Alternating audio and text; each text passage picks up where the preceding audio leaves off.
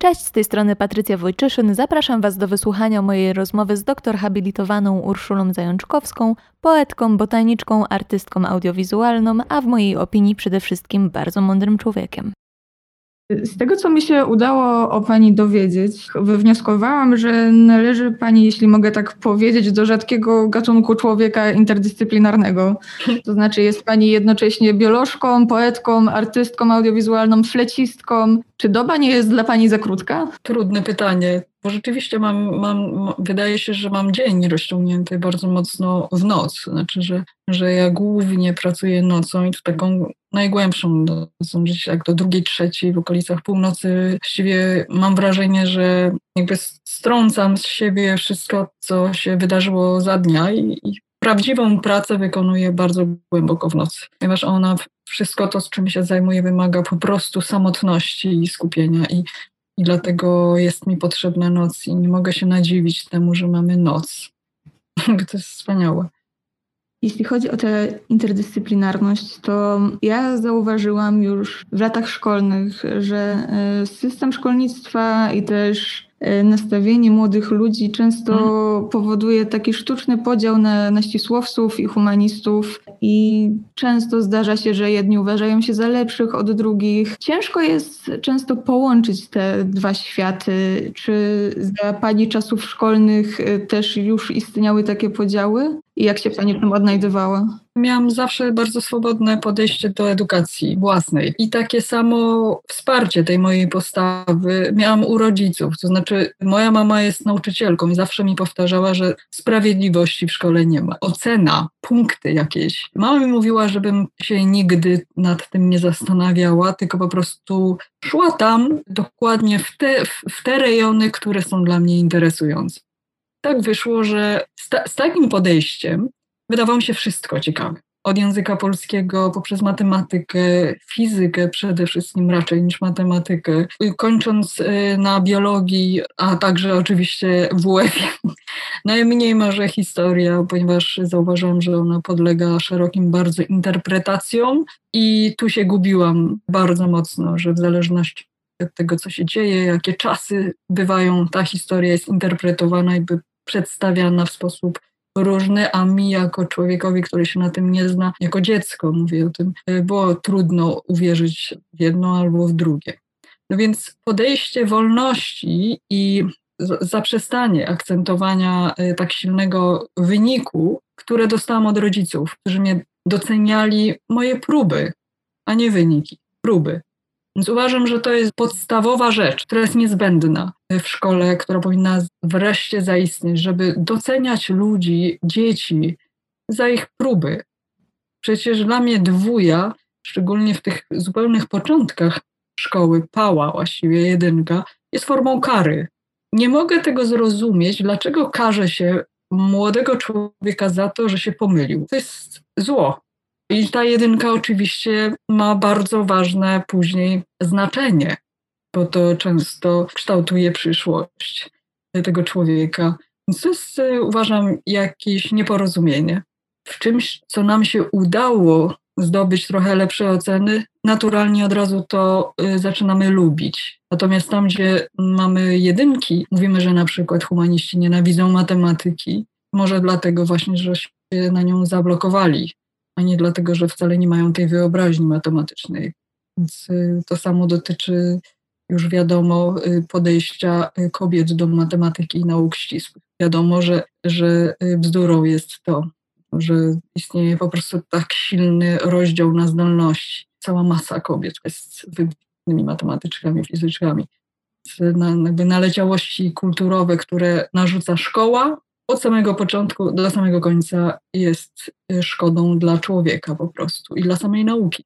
Pani mama była nauczycielką, pani też naucza. Mhm, tak, oczywiście, bo jestem wykładowczynią. Y, pracuję w Samodzielnym Zakładzie Botaniki Leśnej z GGW i wykładam fizjologię roślin i botanikę i kilka fakultetów takich pobocznych. Mówiła Pani częściowo o wadach, które dostrzega Pani w systemie edukacji, ale gdyby Pani mogła zmienić jakąś rzecz, co przede wszystkim uważa Pani za szkodliwe w tym systemie edukacji, który mamy teraz? Zrezygnowałabym e, jednoznacznie z oceny testowej, która jest szkodliwa. Obcięłabym w znacznym stopniu, mówię tutaj o naukach przyrodniczych, program na rzecz spotykania się, obserwacji i odczuwania tego wszystkiego przyrody w terenie. Czyli jakby bardziej bym budowała wyobraźnię na temat świata przyrody, klimatu, działań od znajomości chmur, drzew, ptaków, gleby, od oglądania, jak to wszystko rośnie,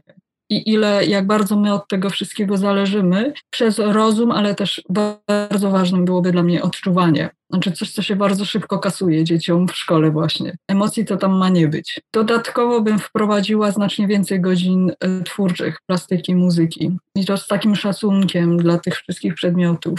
Historii i też takiego jakiegoś po prostu ekspresji, własnej wolności.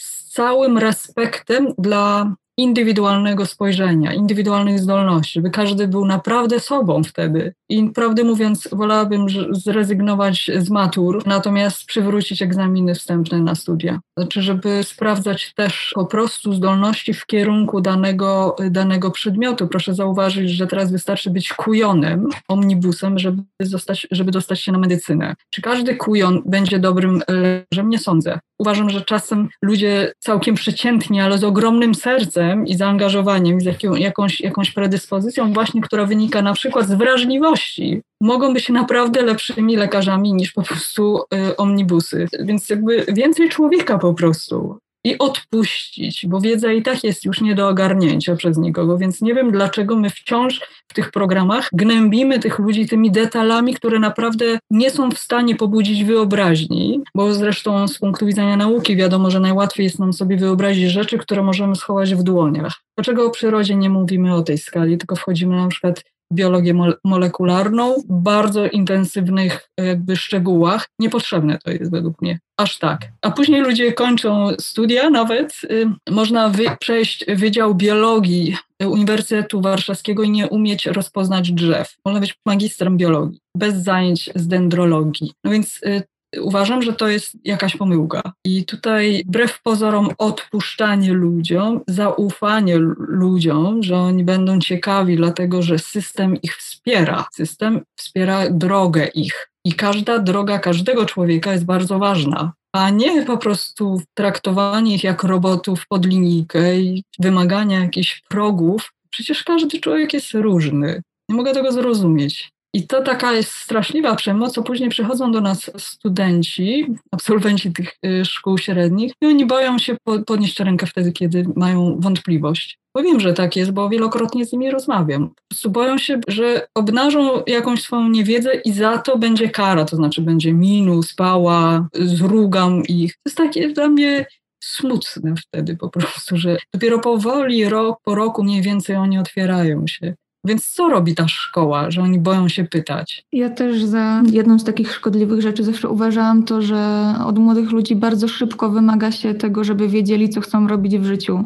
No to to już jest skandal, albo specjali... O właśnie, jeszcze dobrze, że pani o tym mówi. Specjalizacja w ogólniakach, która oznacza właściwie rezygnację z całej masy wiedzy, ponieważ ktoś na początku zaraz po podstawówce ma e, po prostu określić swój profil. I kiedy jestem, prawda, biolchem, to znaczy, że historię tracę już zaraz naprawdę, nie wiem, w połowie chyba liceum, znaczy ja nie wiem o niej nic. A absolutnym prawem, a wręcz obowiązkiem, bym powiedziała, młodego człowieka jest mylić się, jest szukać dróg. To znaczy można być, chcieć być najpierw lekarzem, weterynarzem, sprzedawać lody, być chemikiem, a potem myśleć o poezji. I uważam, że, że ogólniak bardzo mocno ogranicza te możliwości pomyłki przez wybitną specjalizację bardzo wąskiej dziedzinie i zamykanie drogi na wszystko inne. I często, bardzo często ludzie zaczynają po prostu nudzić się własną, własną dyscypliną, a potem muszą jechać na korkach, żeby trochę podciągnąć się, żeby móc zdać maturę i się dostać na studia, które okazały się czymś innym niż decydowali to na pierwszej klasie liceum ta specjalizacja to jest już w ogóle skandaliczne. tak krótkim czasie, prawda? Po ośmiu klasach podstawówki mamy właściwie decydować o swojej przyszłości. Tak, dla mnie to też zawsze było absurdalne i ja po skończeniu gimnazjum szukałam e, profilu, na którym byłaby rozszerzona i matematyka, i polski i nie znalazłam takiego profilu.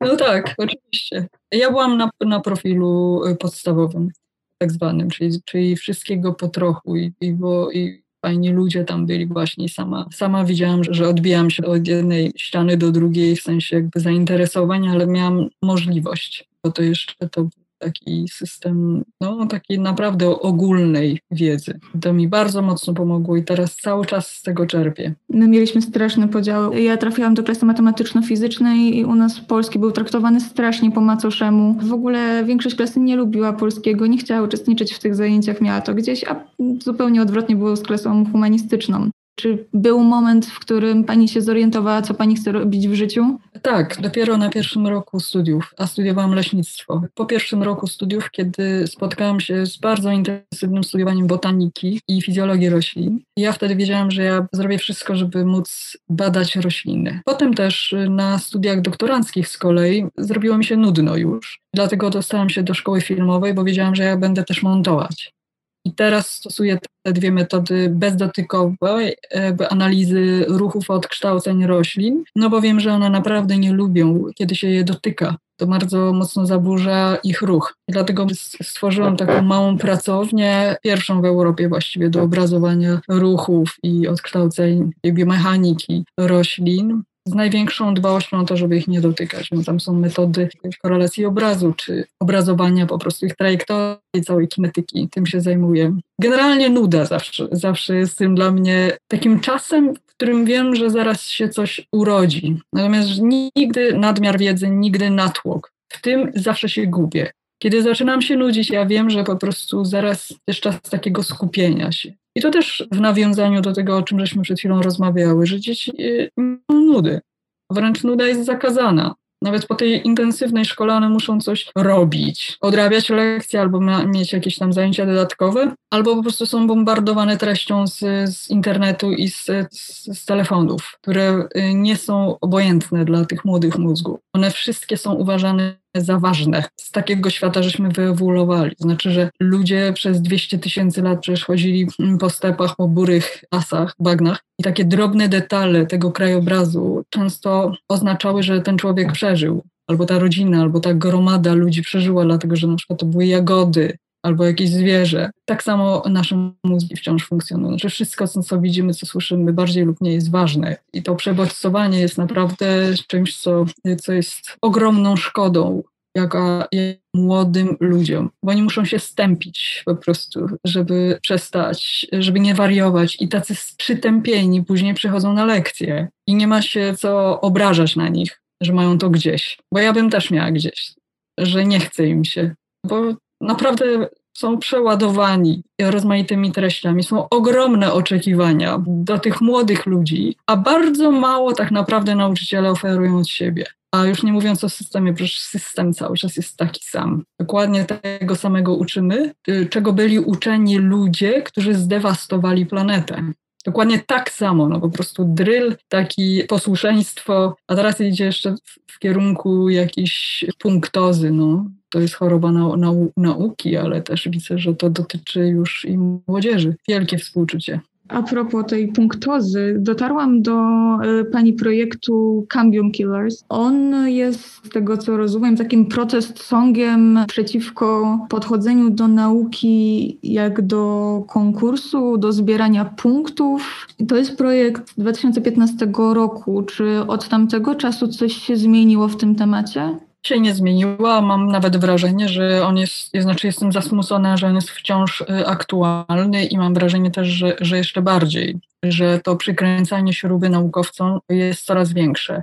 I to nie dotyczy tylko już pojedynczych osób, ale też jednostek, to ciągłe ewaluacje, to ciągłe wypisywanie rozmaitych jakichś detali do jakichś rozmaitych tabel. My ciągle to robimy, ponieważ y, uczelnie, czy wydziały, czy, czy zakłady, czy, czy katedry ciągle są jakoś sprawdzane, testowane. Oczywiście wszystko to się rozbija y, na punkty. Więc my w ogóle na zebraniach, nie wiem, Rady Instytutu też oglądamy wykresy, ile punktów zdobyliśmy. Coraz mniej jest rozmowy o nauce teraz nie jest rozmowy o tym, także o dydaktyce, dlatego że ludzie są zmęczeni. Nawet awans naukowy z, nie wiem, z pozycji y, doktora habilitowanego na profesora oznacza, mówię tutaj profesora zwyczajnego, oznacza więcej większy próg do, do zdobycia punktów, więc coraz więcej ludzi y, nie chcą tego robić. Są, są zmęczeni. Zamiast odpuścić profesorom właśnie tę punktozę, żeby mieli czas pisać nowe, dobre podręczniki dla studentów i w ogóle dla ludzi, mieć czas dla studentów, mieć czas dla doktorantów, mieć czas w ogóle na wypowiedzi rozmaite, żeby czerpać wreszcie korzyść taką ludzką z ich wiedzy, z doświadczenia. Nie, trzeba jeszcze więcej punktów wtedy zdobywać i coraz więcej ludzi, no moich koleżanek, kolegów mówi, nie zrobię tego, dlatego że ja chcę jeszcze żyć. Więc to się nic, nic się w tym nie, nie zmieniło. Dodatkowo są oczywiście punktowane czasopisma. Wymagane jest od nas to, żeby, żeby publikować tylko w tych najwyżej punktowanych i tam są specjalne algorytmy, które pokazują, że właściwie tylko to tak bardzo wysoko powinniśmy publikować, to znaczy wygrywać z Japończykami, Amerykanami, Chińczykami. Chętnie to zrobimy, bo Polacy są bardzo dobrymi naukowcami, bardzo twórczymi. Potrafią robić coś naprawdę z niczego. Zgodzę się na ten system. Jeśli będziemy tak finansowani jak Chińczycy, Japończycy lub Amerykanie, czy nasze laboratoria będą na ich poziomie, to wtedy bardzo proszę. Natomiast wrzucanie ludzi konkurencję z całym światem i niedofinansowanie ich badań jest y, niesprawiedliwe po prostu. I ja się temu y, bardzo sprzeciwiam i sprzeciwiam się też temu dlatego, że szczególnie w moim instytucie, kiedy ludzie się zajmują tym, co żyje, drzewem, ptakiem, mchami, owadami, całymi zespołami roślinności, my nie wiemy, jak nam oni odpowiedzą. My nie wiemy, czy nam się to uda. Bardzo często są to pomyłki. Często po prostu, nie wiem, mi na przykład drzewo umrze, albo ktoś mi wyciął takie haki, którym zaginałam pędy, po prostu cały rok przepadł. Czy jakieś ptaki odleciały, albo zachowały się zupełnie nie tak, jakie było założenie. No i projekt y, pod tym względem mm, jest y, odrzucony, jest, y, jest stracony, chociaż dla nauki jest to fantastyczna odpowiedź, że założenie było błędne, ale nikt takiej pracy nie opublikuje. Więc ludzie nie chcą ryzykować i zajmują się rzeczami, które można opublikować po prostu. Natomiast swoje pasje chowają do kieszeni albo chowają w marzeniach, dlatego że, że boją się po prostu, że ich zwolnią e, z tej pracy. Uważam to rodzaj przemocy regularnej i, e, i już. Czy te kagańce i okowy związane z karierą naukowca w Polsce to był element, który pchnął Panią w kierunku poezji?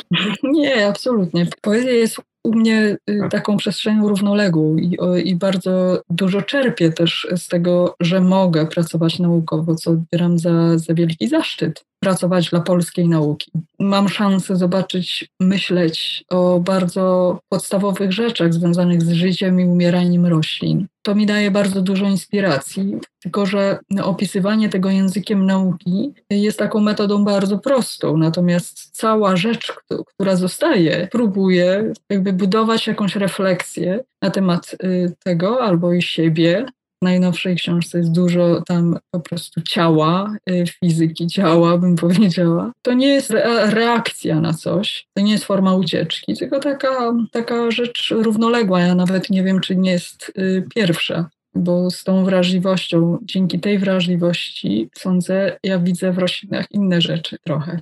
Mimo, że mówiła Pani, że bada rzeczy, y, które żyją, że bada Pani życie, to w tekstach, do których dotarłam, y, czy w wierszach, czy e, w felietonach dla przekroju, często pojawiał się motyw śmiertelności. Jak Pani podchodzi do, do idei własnej śmiertelności? Czy Pani praca skłania do takich przemyśleń?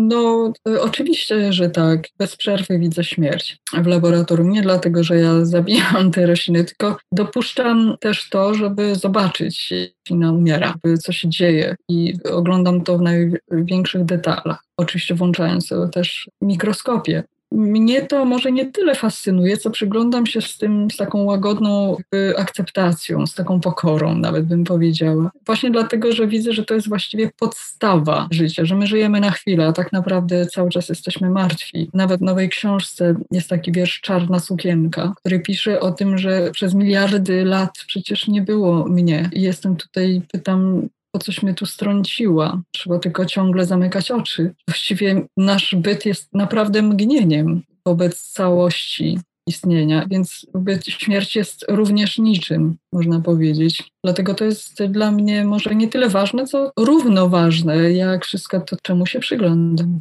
Mówiła Pani o tym laboratorium, w którym obserwuje Pani ruchy roślin za pomocą nagrań obrazowania. Czy to właśnie stamtąd pochodzą fragmenty filmów wykorzystane w Metamorphosis of Plants? Tak, to są rzeczy, wszystkie tam nagrania roślinne są nagraniami, znaczy te z laboratoriów są, są y, moimi eksperymentami większość nawet opublikowana, czyli ona została jakby zamknięta językiem naukowym, a to są po prostu albo jakieś ilustracje, albo podstawa, na której bazuje badając ruchy roślin. Więc y, oczywiście to jest, to jest moja nauka właśnie, właśnie takie rzeczy tam robimy. Bo Metamorphosis of Plants jest e, filmem krótkometrażowym, eksperymentalnym, który wykorzystuje właśnie te nagrania roślin i również solisty baletowego, który naśladuje te ruchy roślin. Jaki był zamysł tego przyrównania? Jak, jak to należy odczytywać? Czasami y, słyszę, że, że to jest pewna forma antropomorfizacji roślin, natomiast y, ja uważam, że to jest raczej y, botanizowanie człowieka, że, że to on że na odwrót że to on przypomina rośliny, on się stara być rośliną, więc,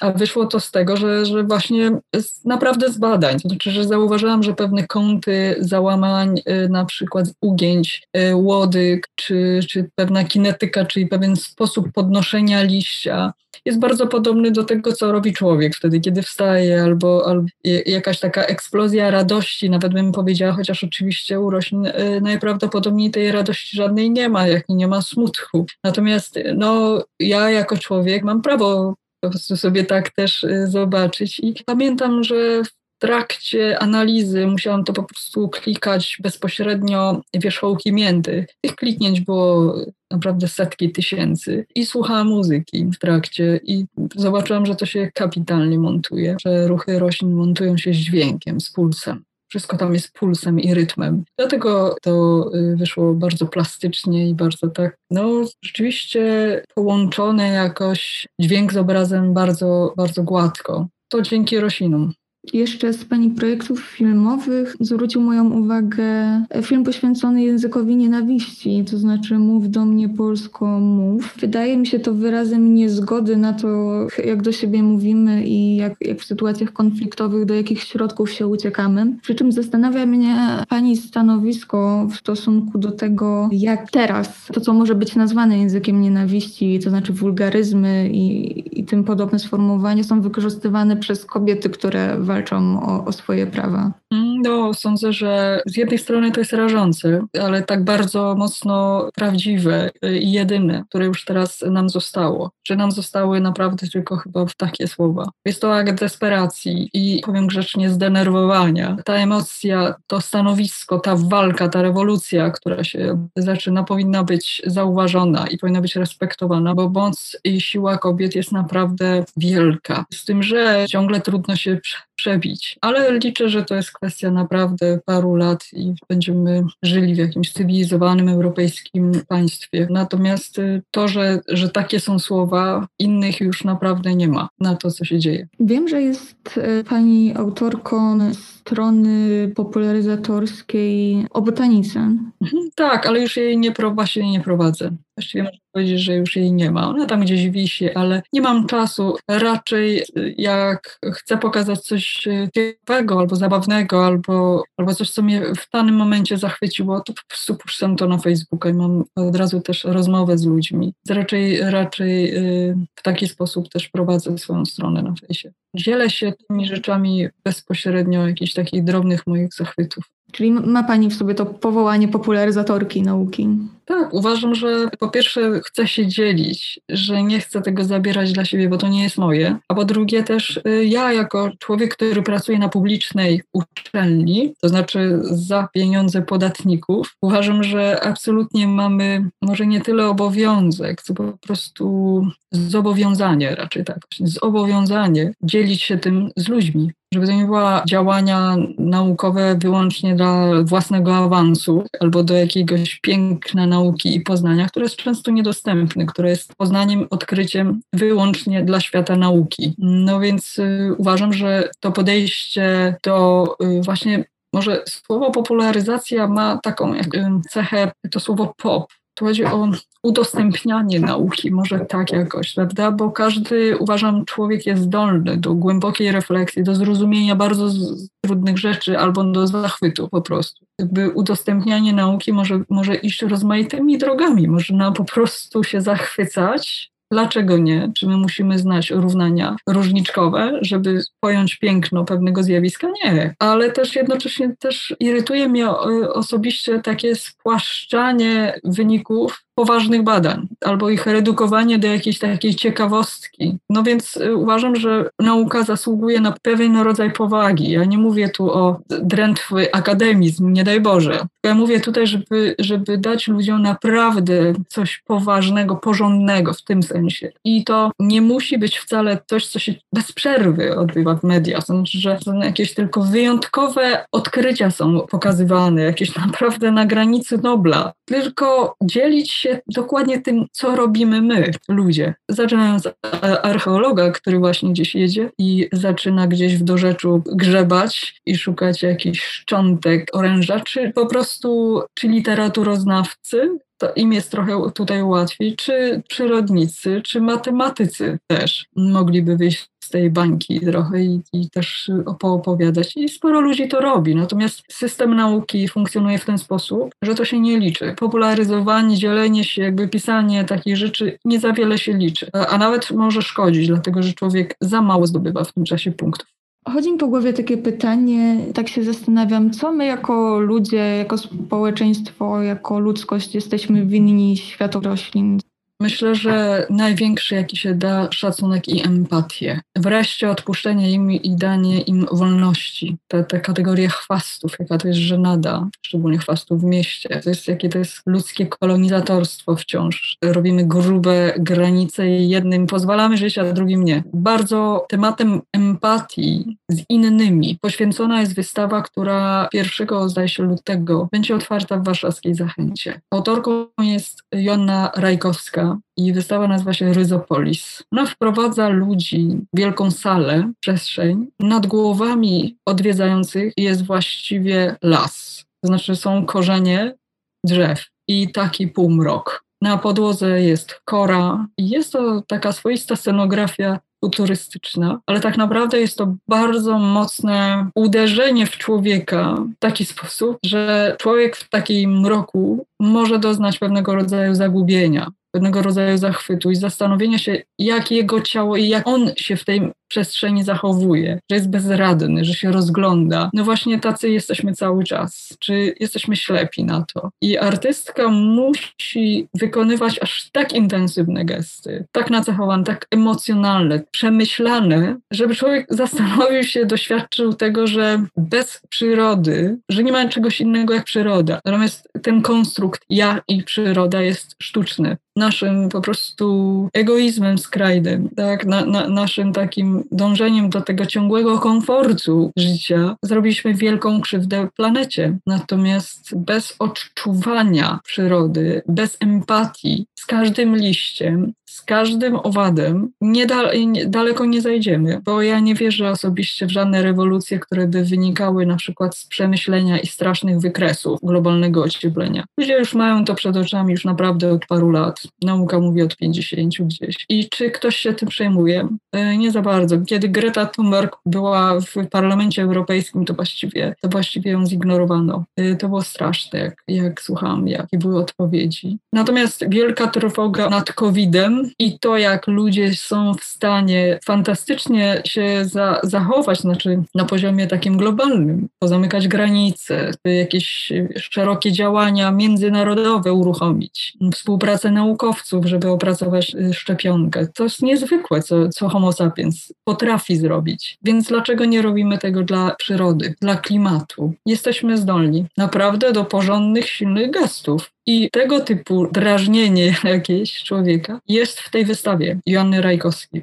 Dlatego ona, ta wystawa będzie przez trzy miesiące. Absolutnie trzeba tam iść. Jak pani widzi przyszłość naszej relacji z przyrodą, naszej relacji z klimatem? Czy będziemy dalej taką niszczącą siłą przez najbliższe lata, czy w końcu dotrzemy do momentu, w którym ogół społeczeństwa zorientuje się, co robi i, i jak bardzo to jest złe i jak bardzo to szkodzi? No, jest to bardzo trudne pytanie, dlatego że to jest pytanie tak naprawdę do tych, którzy tego pytania sobie nie zadają, znaczy do dalekiego świata. Mówię tutaj o Indiach, mówię o Ameryce, chociaż teraz już y, wreszcie Joe Biden wie, że, że bez tego y, ani rusz. Ja jestem pełna nadziei. Trzeba dać człowiekowi trochę więcej czasu, a przede wszystkim wiary to, że jesteśmy w stanie to zrobić. I ciężko jest ludziom uwierzyć, tak bezpośrednio pojedynczej osobie, że to nie jest Twoja wina, to co się teraz dzieje.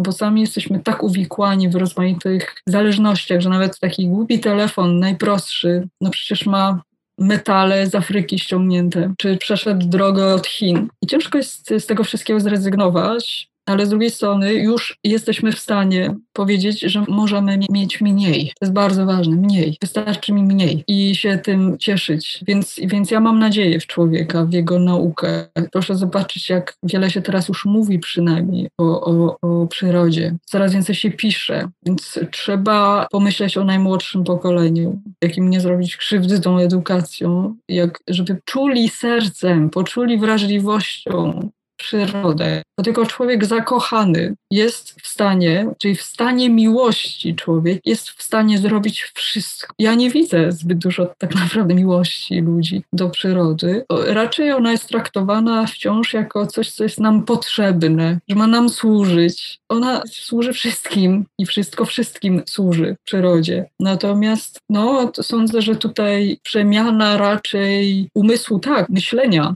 dostępności do wiedzy, dobrej wiedzy, ale też wiara w ludzką wrażliwość, by rozwijanie jej. To jest dla mnie, według mnie najważniejsze teraz, najważniejsze zadanie dla nas. Rozumiem, że postrzega to Pani jako swoje zadanie również jako edukatorki, jako wykładowczyni. Nie, chyba raczej nie. Wydaje mi się, że na studia do nas przychodzą ludzie, którzy już kochają las. Ja raczej im jeszcze pokazuję, jak bardzo jest to czułe, jak rośliny są wrażliwe i w jakimś swoistym dramacie żyjące, dlatego że to są obiekty, żyjące istoty, które żyją od początku do końca w tym samym miejscu, nigdzie nie uciekną. Dlatego są tak, mają bardzo dobrze rozpoznaną tę przestrzeń dookoła w róż, rozmaitymi parametrami, można powiedzieć, przestrzeni. Od pola różnych pól fizycznych po po prostu czystą mechanikę, na przykład gleby, przez chemię po dotyk, kolor światła i tak dalej. One są bardzo, bardzo wrażliwe, więc ja im to pokazuję i raczej w tym kierunku rozwijam ich myślenie. Czyli pani pracuje już e, z osobami, u których ta wrażliwość się pojawiła, a jak pani sugeruje, można by ją zaszczepiać u najmłodszych? No, to, co mówił Korczak, najlepszym nauczycielem jest przykład.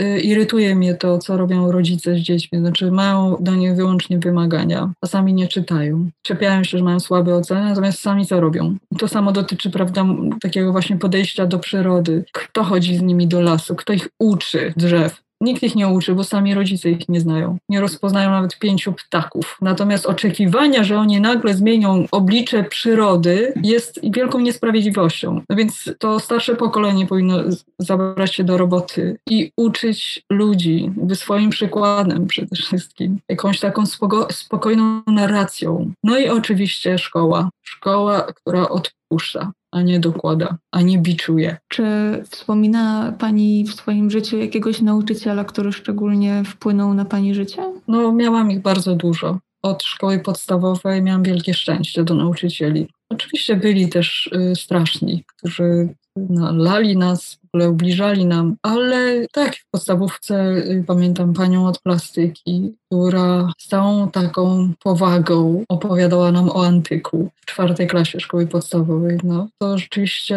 to było niesamowite i rysowaliśmy różne rzeczy z taką największą zaangażowaniem. Szukaliśmy tych elementów w naszym otoczeniu, tych, y, mówię tutaj o motywach plastycznych. To było strasznie fajne. Pamiętam też moją polonistkę z liceum, której można było myśleć po swojemu. Znaczy, można było powiedzieć, że ta książka mi się cholernie nie podoba, albo że ten wiersz w ogóle do mnie nie mówi. Ona pozwalała, coś, coś w ogóle jakimś kuriozum, że obecnie, że, że do poezji podchodzi się jak do rebusa. Znaczy ja, ja nie zrozumiałam o co chodzi.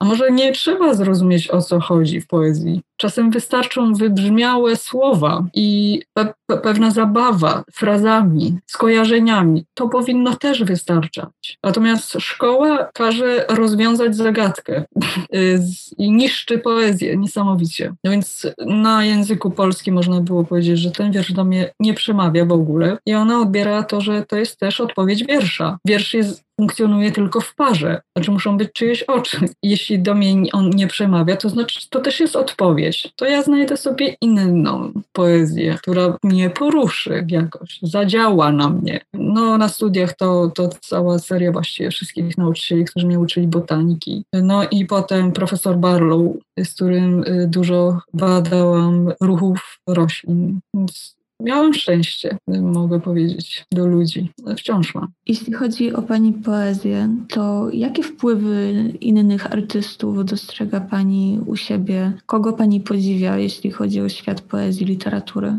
No, to jest bardzo trudne pytanie również, bo ja czytam bardzo dużo y, rozmaitej poezji, nie tylko poezji, ja czytam w ogóle dużo. Teraz czytam Transtromera, czytam Cabré, tym takim dziwnym y, spojrzeniem. Y, tutaj mam rzecz, która w ogóle przyszła do mnie dzisiaj paczka z antykwariatu, tu tylko przejrzałam kilka tekstów. Zaszokowało mnie to, więc odłożyłam to na specjalną okazję. To jest antologia poezji afrykańskiej, taka, takie stare wydanie. I Antie Krok, y, Ciało ograbione, to też cudne. Ciężko jest mi powiedzieć jednoznacznie. Ja wiem, że że są ludzie, którzy mogą powiedzieć, och, największe wrażenie na mnie, nie wiem, Walt Whitman zrobił, jeśli chodzi o język, powiedzmy, jego, jego spojrzeniem. Tak ktoś mi o tym powiedział, o, o mojej twórczości. Nie bardzo. Lubię, bardzo cenię, zachwycałam się kiedyś, ale ciężko jest powiedzieć, co tak naprawdę oddziałuje, bo oddziałuje wszystko. Co czytam, a czytam bardzo dużo wszystkiego, więc, yy,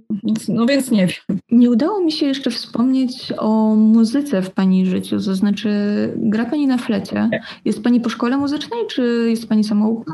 Uczę się, uczyłam się fletu od y, dziewiątego roku życia. Mm, cały czas właściwie. Jeszcze chodzę na lekcje, tym razem już do innego nauczyciela, do pana Andrzeja Wojakowskiego, który jest emerytowanym głównym flecistą Opery Narodowej w, Warszawie i w Krakowie grał. No to z nim cały czas y, mam takie najprawdziwsze lekcje na takim fajnym poziomie akademickim, powiedziała, gdzie się zaczyna, prawda, od, od gam, rozmaitych pasaży, etiud, a na końcu tylko jest jakiś repertuar. Uwielbiam z nim lekcje, dlatego że zamiast dużo rozmowy o muzyce, on często opowiada o, o utworze, on mi opowiada film, jak on to widzi. Więc, więc to jest e, przefantastyczne spotkanie i bardzo mi pomaga, dlatego że granie na flecie jest formą znikania. Znaczy, że rzeczywiście całe ciało pracuje.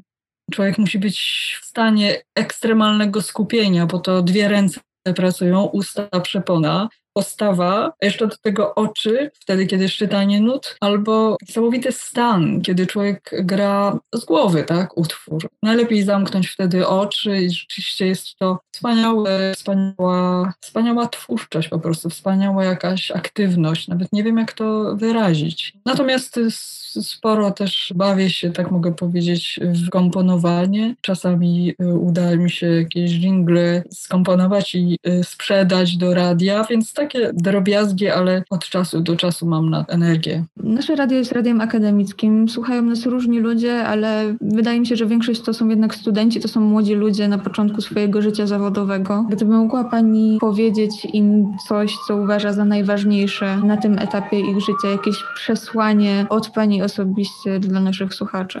Przede wszystkim powiedziałabym, żeby bardzo mocno słuchać siebie, ufać sobie, żeby na tym etapie przyglądać się sobie, zobaczyć, co mnie tak naprawdę interesuje w tych studiach, jaki przedmiot, jaki sposób myślenia. Nie podążać tak mocno jakąś karierą czy zarobkami, bo to jest y, przepis na nieszczęście. Szczęśliwy człowiek robi to, co lubi i kocha. Więc trzeba się zastanowić, co, co naprawdę lubimy robić i tam iść z całą mocą. Rzeczywiście uczyć się. Nie do końca też bym zachęcała tak jednoznacznie ufać wiedzy cyfrowej, mimo że, że wiadomo, że się z tego intensywnie korzysta. I nie do końca bym ufała też temu, że po co ja mam studiować coś wtedy, kiedy na przykład jest w Wikipedii. Dlaczego? Dlatego, że żeby mieć zdolność do wymyślenia czegoś albo do jakiejś refleksji, to wiedza musi być w głowie, a nie w telefonie w kieszeni. Po prostu. Tak jak mówimy po angielsku czy po hiszpańsku, korzystamy ze słów, które mamy w głowie. Tak samo, żeby powiedzieć coś o świecie albo dobrze jakby funkcjonować w tym świecie, musimy mieć umiejętności w sobie, nie obok siebie. To jest to taka rada raczej, e, ale przede wszystkim to chcę życzyć e, ludziom po prostu dobrego życia w ciężkich czasach, bo wiadomo, że będzie ciężko, jeśli chodzi o przyrodę. Życzyć Wam dobrego życia wtedy, tylko i wyłącznie wtedy, kiedy podejmiecie trud walki o to, że staniecie po stronie tych innych, których nikt nie stoi. Mówię tutaj o roślinach, o zwierzętach, o owadach, o całym mikroświecie, który właśnie teraz ginie ze względu na zmianę klimatu. Świadomość, odwaga, bezkompromisowość, jeśli chodzi o przyrodę i jest wtedy szansa. Dziękuję Pani bardzo za rozmowę. Usłyszałam bardzo dużo mądrych rzeczy i bardzo się cieszę, że udało mi się dzisiaj z Panią porozmawiać. Dobrze, dziękuję bardzo. Dziękuję i życzę wszystkiego dobrego. Wszystkiego dobrego, dziękuję.